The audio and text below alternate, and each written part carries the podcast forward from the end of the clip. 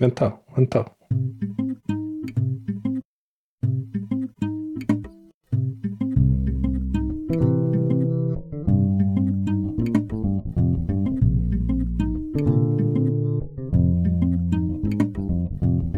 Hej! Vi är tillbaka och det är podcasten Social by Default. Och precis som vanligt är det jag, Sara Larsson Bernhardt, som tillsammans med Deeped Niklas Strand driver den här podden. Vill ni kommentera avsnittet eller har idéer för framtida avsnitt? Twittra med hashtaggen Social by Default eller prata med oss på vår Facebook-sida alternativt vårt Instagramkonto. Hej Sara! Hej Niklas! Nu är Kvartalspodden tillbaka. Ja, det var dags. Det var på tiden. Det var väl i mars någon gång Nej. i alla fall.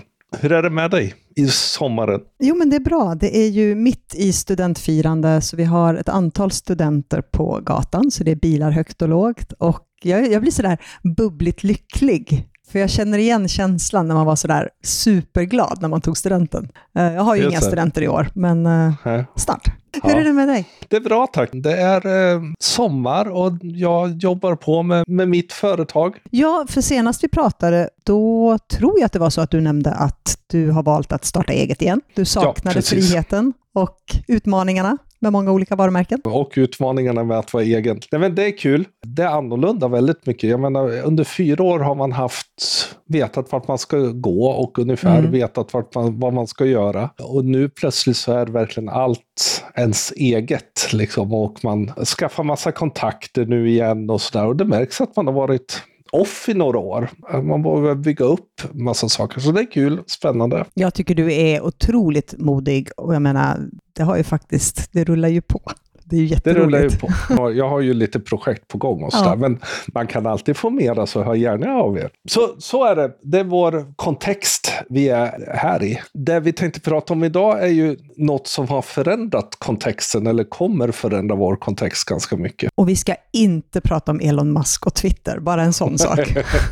Precis. Nej, det slipper ni nu. Nej, alltså som få av er som lyssnar har undgått så har vi en, vad ska man säga, en väldigt, väldigt het diskussion och prat om AI. Mm. Vi var inne på det lite förra gången också och mm. nosade lite på det. Men vi tänkte helt enkelt att det är verkligen så mycket nu så det är klart att vi vill ta vår take. För nu har ju vi faktiskt varit i det ett tag. Mm. Och vi ska inte sitta här och rabbla en vansinnig massa AI-verktyg, för att de utvecklas ju så fort och det lanseras så mycket, så vi hinner ju knappt med själva. Som vanligt, vi ska titta lite grann på hur påverkar AI kommunikation? Vad finns det för hjälpmedel som vi använder använder idag och hur jobbar vi med de här verktygen? Och lite tankar och lite förhållningssätt som man kanske bör ha med sig när man går in i det här, för det här är ju faktiskt någonting vi inte kan stoppa, utan snarare embrace ja, love. Precis. Och ja, men det är ju många saker som, även om tekniken är väldigt speciell och omvälvande kommer säkert bli, så är det ju fortfarande igenkänning till exempel när Photoshop började användas, mm. när, när desktop publishing, må, många av de saker som vi då har hunnit vara med om, så känner man ju igen saker. Så där, där tror jag. Men om vi börjar någonstans, du och AI, liksom, hur har ditt liv förändrats av AI, Sara? Nej men alltså, jag är sådär lite nykär. Jag säger det även på, på jobbet, att eh, ChatGPT är ju min work husband. Vi har ett, en fantastisk relation. Vi, eh, vi pratar med varandra konstant, varje dag. Och jag, även om det här är så pass nytt, så måste jag erkänna att jag har ganska svårt att tänka mig att inte få lov att använda det i dagsläget. Mm. För, för mig handlar det mycket om att jobba mer effektivt, att jobba smartare och allokera tid till att faktiskt hinna tänka och processa och så. Det som man kanske inte har hunnit tid tidigare för att man har varit så mycket i liksom konstant produktion. Och, och, det är där någonstans som jag känner att det här är mitt, mitt guldkorn och det är så jag använder det idag. I, idag då, idag är det typ onsdag, eh, så släpptes eh, ChatGPT appen till mobilen och jag ganska snabbt insåg att nu åker SJ-appen ur de här fyra apparna som man alltid är uppe och utan där åker ChatGPT in eftersom den är något som jag också använder för att fråga saker, för att liksom översätta saker, för att mm. hela tiden hitta eh, synonymer och sådana saker. Och jag tror att det är viktigt att se för de som kanske ännu inte har testat, att det är liksom inte så där att man behöver göra de stora grejerna, utan det här är verkligen ett verktyg för vardagsgrejer som man annars behövde gå till Google Translate eller man behövde liksom gå till massa olika saker. Så finns det nu någon man kan fråga och förhoppningsvis få ett vettigt svar. Liksom. Mm. Det är väl lite där någonstans man behöver börja. Alltså, lite som du säger, man behöver inte göra de stora taken, för det finns ju otroligt mycket man kan göra bara om man tittar på ChatGPT. Sen har vi ju en mängd andra redskap och verktyg som vi kan använda. Men just det här att börja se det som en konversationspartner. Börja bolla, testa tankar, se vad du får ut av det. För att lika mycket som du behöver lära ChatGPT så behöver du lära dig själv hur du ska prompta för att få ut ett bra resultat. Ja, och jag, jag tror att ibland just att vi säger man ska prompta som någon sorts nytt svenskt ord motsvarande googla. Alltså jag tror att tänka att du ska prata med den. Mm. Det, för det är ju en chatt och den fungerar ju så. Och på så sätt så kommer man lära sig mycket snabbare egentligen än att man läser alla de här de 150 bästa promptarna för marknadsföring som vi hittade en pdf om.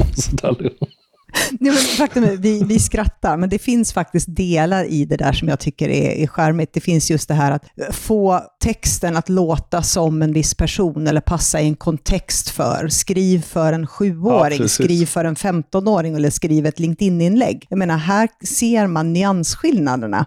Återigen tillbaka till hur man skulle kunna använda det i jobbet. Jag menar, säg att du har en komplex text och så vill du förenkla den för en plattform. För vi vet att vi kan inte prata på samma sätt på LinkedIn som vi pratar på Facebook, som vi pratar på Instagram, eller vi ska göra en, en, en tråd på Twitter. Att just att lära sig att föda då ChatGPT med den här typen av tonalitet vill jag att du ska skriva om den här mm. texten för. Mm. Där blir ju den här liksom jobba smartare ja, och faktiskt verkligen. få ut saker mm. som du kan använda med lite handpåläggning. Mm. När jag översätter, för jag översätter ofta från svenska till engelska, då gör jag också, säkrar jag ju upp det. För ChatGPT, fine, nu kommer vi prata om just den och textgenerering jättebra, men det är klart att den ibland gör fel.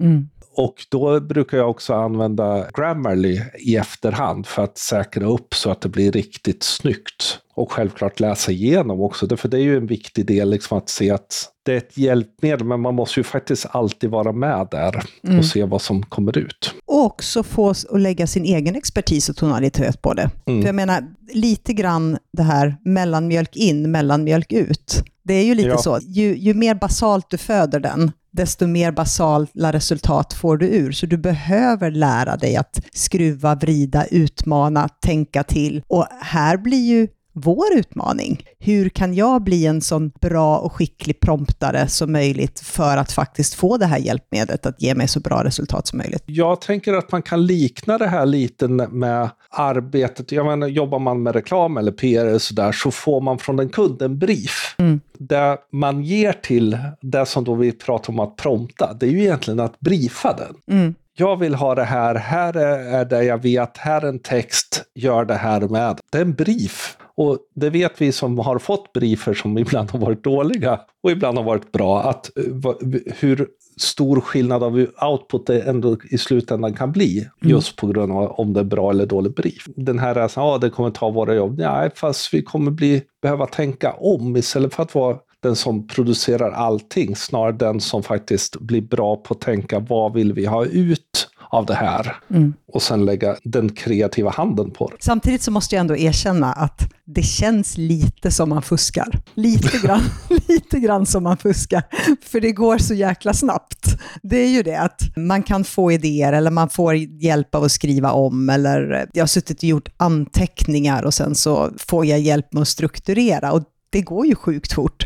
Och då känns det lite som att man åker lite bananskal. Och det är ju mest en känsla hos mig själv. Ja, jag ska inte precis. säga att jag skäms lite, men det är lite sådär att Nej, men sen smyger ju, med det. Ja, men där, där, finns ju samtidigt också ett förhållningssätt som vi kommer behöva ha, både gentemot kunder eller uppdragsgivare eller mm. gentemot egentligen eh, om man gör större grejer gentemot de som läser. Att faktiskt vara transparent just nu med vad som är vad och vad som är använt vad. Jag såg Aftonbladet har börjat i sina notiser om de har använt ChatGPT för så skriver de i det så en liten liksom, fotnot runt Och jag tror just för att inte få folk att känna att det här är fusk eller att det är något som är farligt och liksom håller på att ta över. Att faktiskt vara ganska transparent. Ha en hög etik i det. Alltså jag håller inte med dig fullt ut. För det beror lite grann på hur mycket, vad, vad är en AI-genererad text?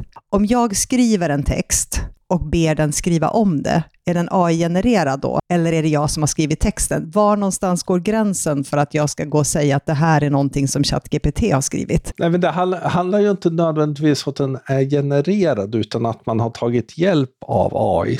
Fast... Alltså, det är ju lite, det är en sorts källhänvisning. Liksom. Om du skulle använda det som en, nu ska jag inte säga sökmotor, för det är inte en sökmotor, men om du skulle göra det, ja, då kanske. Eller om du skulle använda Midjourney för att få den att generera en bild av en person som inte existerar. Ja, då kanske. Men om jag sitter och ber den att skriva om en komplex pressrelease till ett enklare Instagram-inlägg. Behöver jag märka Nej, den då? Nej, där kanske du, men däremot du kanske behöver berätta det för din, din uppdragsgivare.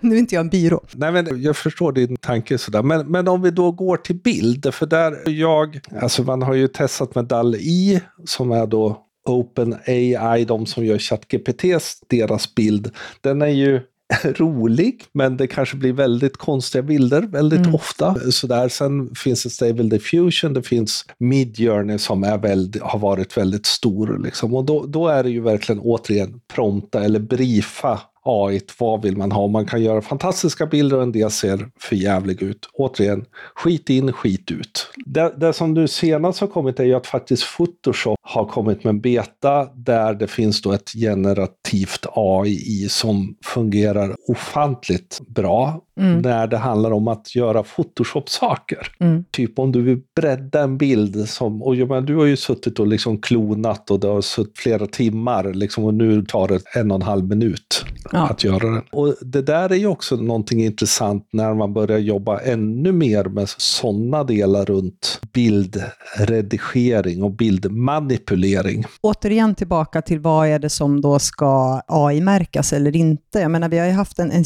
en historia och jag vet att väldigt många företag sitter med bildbanker där de flesta bilderna ligger i lands landskapsformat, alltså 16.9. Mm. Och helt plötsligt så ska vi börja kutta dem för att få in dem i ett storyformat. Mm. Om jag då skulle använda det här generativa AI i Photoshop och få den att öka en himmel eller öka en skog mm. eller vad det nu är. Är det då en AI-manipulerad bild som behöver märkas? Eller är det ett hjälpmedel som faktiskt får en av mina originalbilder att passa in och optimeras för ett annat format som jag behöver? Jag tror fortfarande för att slippa de här problemet att ibland märka för mycket än för lite. Eh, det var ju någon konstnär som vann här för inte så länge sedan. Han vann en sån här konsttävling. Sen när han då skulle ta emot priset så sa han ja den här är ju gjord i Midjourney. På tal om det, jag var i Stockholm och var på Moderna Museet och såg en utställning där de första bilderna berättade en historia om den här fotografen, för det var en fotograf, om hennes farfar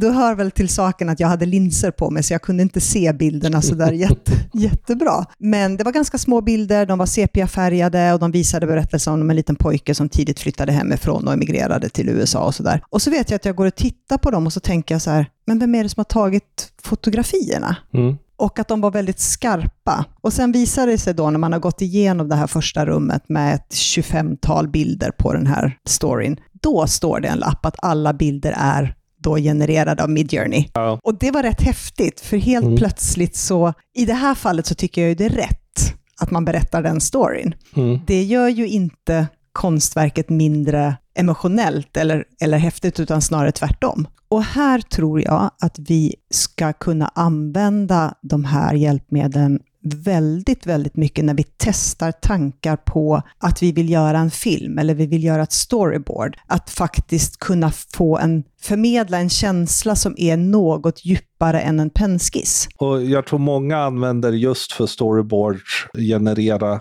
idén. Mm. För annars blir det lätt sådär att man fattar ungefär och så blir det inte riktigt som alla haft i huvudet. För det för, en för enkel skiss. Här mm. finns möjligheten att faktiskt ta fram ganska mycket och även ta diskussioner om det på en annan nivå. Så det tror jag man ska använda ganska mycket runt det. Det finns numera, kommer det alltså video-AI som hjälper dig faktiskt redigera film och våra vänner på Storykit släppte ju idag sitt AI som helt enkelt där du puttar in den text i ena delen bestämmer vilken sorts kreativ del och utfår du någonting som du dock har full kontroll över att göra mm. om och som var en ganska viktig del för dem någonstans. Så att det ska inte bara komma ut och du kan inte göra någonting utan det här är liksom ett verktyg som hjälper dig fram tills du själv behöver ta hand om det. Och det är här någonstans jag tycker att vi ska ha liksom vårt perspektiv. Självklart kommer ju alla de här hjälpmedlen bli mer och mer intelligenta ju mer vi tränar dem och ju mer vi föder dem. Men just det här att du behöver vara den som ger idén. Den spottar ut ett resultat utifrån hur duktig du är på att ge den idéerna. Och sen behöver du lägga din expertis, din handpåläggning på det för att få ut ett riktigt bra resultat. Du kan Precis. aldrig ta det rakt av. Då blir ju någonstans en diskussion runt kreativitet och faktiskt det som i vår bransch någonstans. Att det är ju där kreativiteten faktiskt ska finnas. Idén, mm. starten, Mm. Och sen se till att det i slut verkligen är dit man ville. Allt där i mitten är ju faktiskt bara en massa jävla hantverk. Jag skulle säga, så det är lite så här creative director, art director och sen så är det originalaren. Vi kapar liksom assistenterna ja, nu, i mitten. Nu försvinner originalerna. Men jag menar, sen är det ju faktiskt en sak som vi behöver lyfta, för att det bubblar ju också, så fort det kommer någonting som går väldigt fort, börjar ju folk bli lite oroliga. Det bubblar ju också just det här, liksom, vad, vad bör du inte föda ChatGPT med? Vad är det du inte bör lägga för liksom, prompter för att inte riska att du föder den med hemligstämplat material. Eller, mm. Och här behöver man ju ha huvudet med sig någonstans dels är de ju lite dåliga på faktiskt att berätta hur det är med det där egentligen. Mm. Och framförallt så är det också viktigt att inse att även om då ChatGPT uppför sig på ett sätt så finns ett antal andra som kanske gör något på ett annat sätt. Mm. Och där saknas det väldigt mycket reglering och transparens. Klart det är så. Jag menar, ju mer vi använder det, ju, ju svårare kommer det bli. Det för det poppar ju upp AI lite överallt om man säger så. Mm. Ett AI som väl både du och jag har testat, det är ju My AI i Snapchat. Ja. Som ju är, är ganska dumt. En lite, en lite korkad kompis kanske man ska ja, säga. Lite så liksom. Och det är ju tråkigt kan jag tycka att man har släppt det kanske lite för fort. Mm. Eftersom det är det första AI som unga kommer träffa. Det är rätt intressant att du säger det, för jag menar min dotter är snart 17 och eh, hon var så här, nej men den vill inte jag prata med. Varför ska jag, liksom, den, läser den igenom alla mina chattar som jag använder för att lära sig vad jag vill veta för svar? Så att, och hon är ändå ganska modig och nyfiken av sig när det ja. gäller digitalt generellt. Men där någonstans gick hennes privacygräns. Kommunikation är ju tyvärr tekniska företag inte så bra på alltid. Att förstå att man behöver kommunicera fullt ut. Och här saknas det ju väldigt mycket kunskap för att folk ska bli trygga i vad man gör. En sak som jag tänker ofta på är att vi just nu pratar om AI, AI, men jag menar AI har ju funnits ganska länge. Alltså algoritmerna är ju en form av AI faktiskt. För mm. det är maskininlärning. Den lär sig av vår data, vad vi vill ha och därmed så feedar den utifrån taxonomier, utifrån en viss logik. Och det är ju det är ju egentligen det som det bygger på. Men här är väl egentligen första gången som vi har fått möjlighet att påverka på ett annat sätt? Så är det och det är mer synligt och det är, vi har fått verktyget i händerna och är inte bara utsatta för det. Nej. Fler förhållningssätt som du kan se utifrån eh, ja, som, som kommunikationsmänniska i ett företag eller en byrå? Nej, alltså jag jobbar med sociala medier. Allt jag gör är ju ganska transparent öppet. Det är väldigt sällan jag jobbar med någonting som är superhemligt. Ja. Nej, egentligen Egentligen inte, mer än att se det som ett fantastiskt hjälpmedel. Jag tänker också, om man tittar vad man skulle vilja ha och vad vi kommer nog se mer och mer, det är ju till exempel att faktiskt kunna arbeta bättre med målgrupper genom att så att säga, kunna ha ett AI som faktiskt kan arbeta fram utifrån den data man har. Vi har extremt mycket, jag tänker utifrån när man har jobbat med paid social, så sitter man där och kanske ska göra ett halvårsrapport eller helårsrapport eller rapport över ett antal. Liksom. Och det blir så otroligt mycket data och det blir väldigt många siffror och till slut så blir det sifferexerciser man spenderar massa tid på så säger man ja det gick ganska bra i någon sorts analys. Medan jag menar med, redan nu egentligen så skulle man kunna eh, fida in ganska mycket av de här siffrorna och få ut en eh, någon sorts grund så att man själv kan göra analysen. Och jag tror att vi kommer förhoppningsvis se bättre just verktyg och möjlighet att utnyttja för att sentimentanalysera. Mm, det är sant. Även eh, så att säga, se mer rakt av med ett redan har fått en analys mm. som, som, inte bara är liksom rakt av matematisk utan faktiskt mer bygger på logiken. Det tror jag vi kommer se. Därför det vore bra att få. När det gäller just den matematiska delen så har, har vi testat lite att göra omvänd matematik eller omvänd liksom budgetutredning. Att man tar liksom resultat som man har fått via paid social och så ber man den att räkna baklänges. Ja. Om vi vill ha 100 leads till exempel, eller 100 klick på den här länken och vi vet att det är ungefär så här många som klickar. Hur stor budget behöver vi ha för att kunna generera det resultatet? Det går ju sjukt snabbt att räkna ut med ChatGPT. Vi såg... Man behöver dubbelkolla. Vi måste veta vad vi håller på med ja. och fida med rätt så att det blir rätt. För den, den kan ju ingenting. Den vet inte vad en CPM är, och, utan det är ju någonstans att man behöver veta vad man vill få ut, men det går oerhört fort och man får en väldigt bra översikt när man väl fick det rätt. Jag tror mycket sådana saker. Allt det här tråkiga vi gör, som social media manager eller analytiker eller head of social eller vad man nu är, kan man få lite hjälp med för mm. att faktiskt sen göra sitt jobb och komma vidare. Det tror jag är en viktig ingång i det. Någonting som har hjälpt mig också en hel del som jag använder, det är att jag sitter alltid och skriver anteckningar. Uh, och det blir oftast ganska spridda skurar när man sitter mm. på ett möte. Och då får jag hjälp att strukturera upp dem. Och det är också extremt simpelt, går jättefort och sen så går det ganska snabbt att skicka ut ett mejl och säga att här är de sammanfattade anteckningarna som är under det här mm. mötet. Det är också en super, super hjälp. Återigen, det ska ju vara saker som man kan dela och kan lägga upp utan att det finns några hemligheter bakom. Men... Så är det ju. Jag kommer ju på mycket idéer i duschen. Mycket lösningar i duschen och sådär. Och, och, jag kan ju inte skriva på väggen liksom. Jag har en kompis som gjorde det. Du får köpa sådana vattenpennor. Ja, men han, han gjorde det.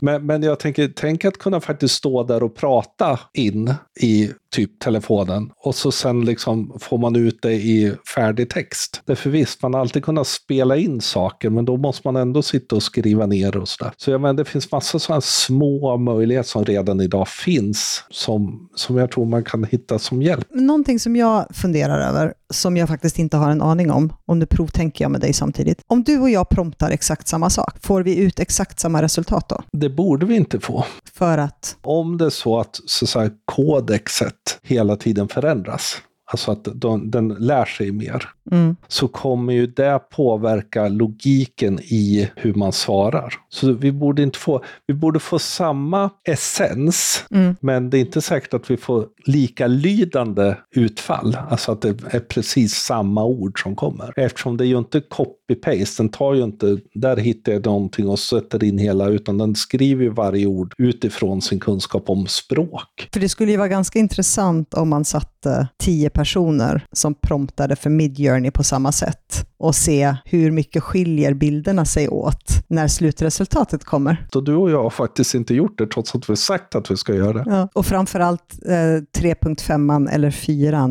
är ju lite grann av ett smart ass ibland. Ibland kan man ju bli lite trött. Man tycker att ja, men, skriv, skriv rent det här, utveckla något och så får du liksom en halv A4-sida. Man bara, nej men det där var inte något, det där var en fördjupande någonting. I det här fallet blir det ju nästan som, som lite nästan som en människa. Därför går du till Bard, alltså Googles motsvarighet, mm. som ju faktiskt också finns att använda, så får du ju ofta väldigt mycket kortare. Det är mycket kortare, det är mycket mer rakt på sak, men precis som du säger, ChatGPT är ganska snackig. Mm. får man ju hela tiden, vad trivs man bäst med tror jag. Det för Google är ju lite mer som att prata med en liksom, lätt introvert eh, arbetskamrat. Man får liksom lite lätt enstaviga svar. Men återigen tillbaka till prompten. Jag menar, vill du inte ha en halv A4 så får du säga att sammanfatta detta på 1500 tecken. Ja. Låt inte för uppblåst och för mycket kommuniska. En sak som ofta kommer fram är ju liksom, ja men vadå, den gör ju massa fel. Och då är det ju mycket fakta eller ibland så, man kan ju säga att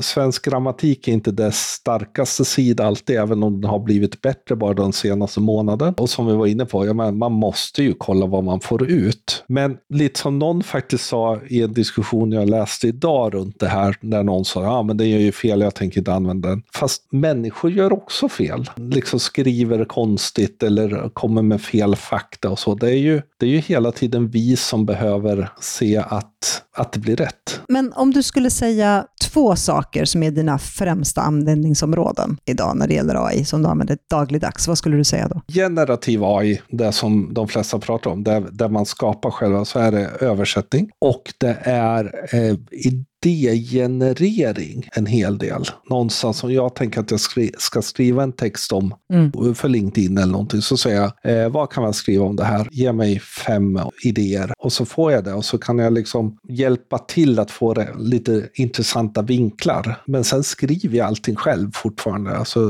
det är väl, och det hänger väl ihop att jag med, skulle jag låta ChatGPT skriva LinkedIn-postning så skulle de flesta se att det inte är jag som har skrivit det. Mm. Därför jag jag har en ganska speciell tonalitet när jag skriver. Ibland definiering också. Definiera strategi. Den är bra. Skillnaden mellan strategi och taktik har jag bett ja. den om en gång och det var, det var faktiskt en hel del bra tankar. Jag skulle hålla med om, kanske inte så mycket översättning utan snarare skriv rent det här till proper English mm. i många fall. Framför allt de gånger där jag vet att det här ska läsas av flera stycken, där engelskan blir viktig för att det blir en trovärdighet i hur man formulerar sig. Och sen en sak som jag gjorde, nu var det ett litet tag sedan, jag gjorde en undersökning där man skulle svara på en fråga och så var det fem olika steg i allt från sämsta möjliga till absolut bästa möjliga. Och då, för att man skulle förstå att man inte bara skulle ratea med en till fem stjärnor, utan vad varje rating innebar,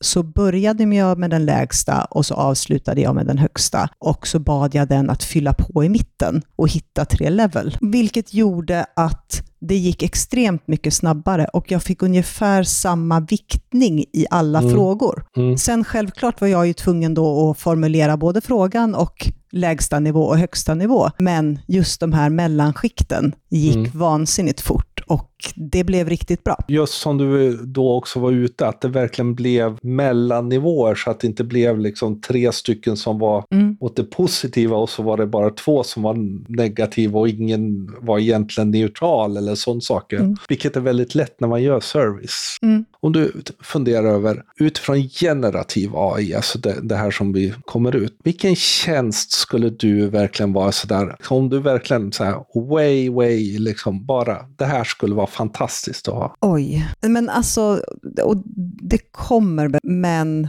en kombination av att jag föder och den är en sökmotor som kan hitta precis det jag vill leta efter. Mm. Skanna nätet. Och, och, verkligen få en text som bygger eh, där liksom. Därför idag, du kan ju redan göra, men då får du ju ofta sådär, du får en text och så får du lite länkar. Liksom. Det är ju, det är ju Nå, lite halvrisigt liksom. Nej, inte bara det, utan till exempel det, det jag skulle vilja, och det finns säkert plugins som delvis gör det här idag, det kommer ju komma i framtiden, framtiden, och framtiden kan vara om fyra veckor, vad fasen vet jag när det går så fort, det är att man använder det, kanske inte som en sökmotor, men mer som en hjälp i research. Att jag kan hitta hitta saker genom att ge den ett antal direktiv. Och så mm. kan jag få ett antal källor, eller jag kan få ett antal publikationer, eller jag kan få liknande saker så att jag kan utgå ifrån någonting. Inte en färdig text. Nej, och det kan ju handla liksom att allt från att hitta liksom alla, alla artiklar som handlar om det här mm. och man verkligen får liksom, inte nödvändigtvis alla länkar, utan man får det är si och så många, det här är de bästa. Eller liksom,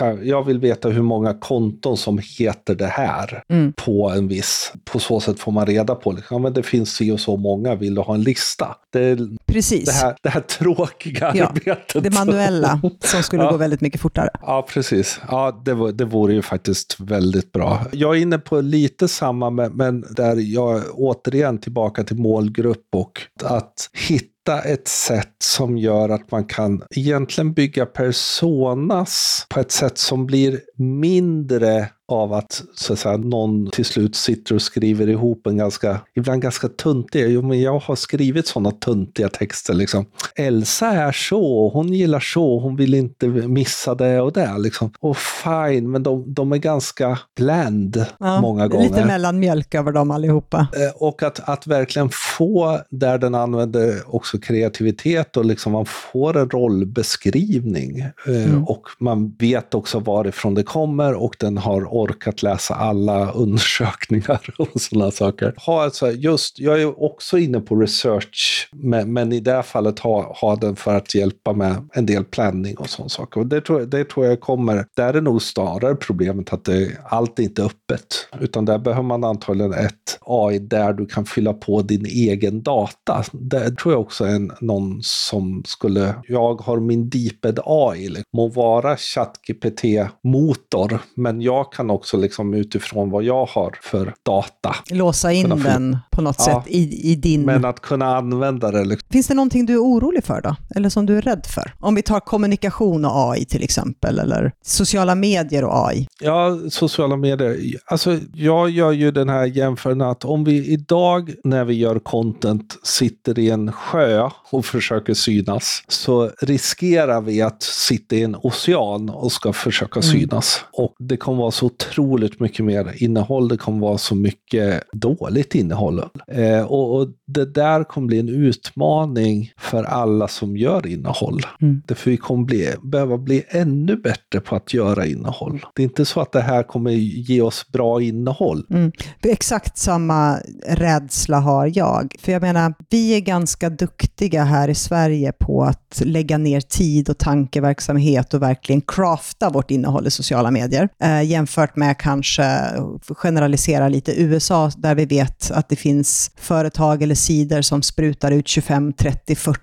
innehållsbitar varje dag i, i, en kanal. Och då har de ändå craftat det själva. Ja. Genom AI och automatisering så tror jag lite vi är inne på det som, det som du nämner, att vi får multiplicera det här liksom, mm. gånger hundra. Och det är jag orolig för. Att mm. det blir, jag menar inventoriet idag är redan fullt. Och då, är vi bara, då nosar vi bara på det här. Det finns en, en jättestor risk, tror jag, att vi kommer göra sönder de här plattformarna för att vi kommer kunna spruta ut så mycket mycket att vi kommer drunkna i det. Ja, alltså de här plattformarna är ju inte gjorda för det här och framförallt är de gjorda för sociala grafen och mm. egentligen inte för intressegrafen. Någonstans så går ju det hand i hand att intressegrafen blir viktigare utifrån att vi får ett helt annat contentvärld på gott och ont. Den är oroande eftersom det bara kommer hända liksom med LinkedIn när alla börjar liksom faktiskt kunna göra två, tre inlägg per dag istället för ett varannan vecka. Nej, men det, den är en liten oro. Så för er som lyssnar, automatisera inte. Någonstans, alltså lägg på kunskapen, använd det som ett hjälpmedel, men jobba med det. Alltså det är er expertis som ni behöver för att lägga på det. Så jobba smartare, inte snabbare på det sättet. Jag tror den är viktig att se att det som vi förhoppningsvis tjänar mest när det gäller content-skapandet i sociala medier är att vi tjänar tid som vi kan lägga lägga på att göra det bättre. Därför vi, ChatGPT eller Midjourney eller något kommer egentligen inte göra innehållet bättre, men det kan skapa en grund som vi sen kan se till att göra. göra. Det tycker jag var en fantastisk avslutning på det här. Så tack för oss. Vi lägger in lite länkar i show notes och de hittar ni som vanligt på podcast.socialbydefault.se. Och glöm inte att prenumerera på den här kvartalspodden som kommer ut lite efter feeling. Vi finns på Spotify, Apple Podcaster, Soundcloud, Acast och Stitcher och det är bara att söka på Social by Default. Om ni gillar den, ge den betyg om ni vill göra oss glada. Recensera gärna podcasten på Apple Podcaster. Ge den lite stjärnor och sådär. Och jag menar, hashtaggen är Social by Default. Vi finns på överallt som vi var inne på att prata med. Det här är en diskussion vi lär komma tillbaka till. Vill man prata med oss, söka upp oss. I mitt fall vill man kanske ha hjälp med vissa saker så heter jag Deeped överallt. Och jag heter Sanna C. LB överallt. Tills nästa gång, ha det så bra. Hej då! Hej då!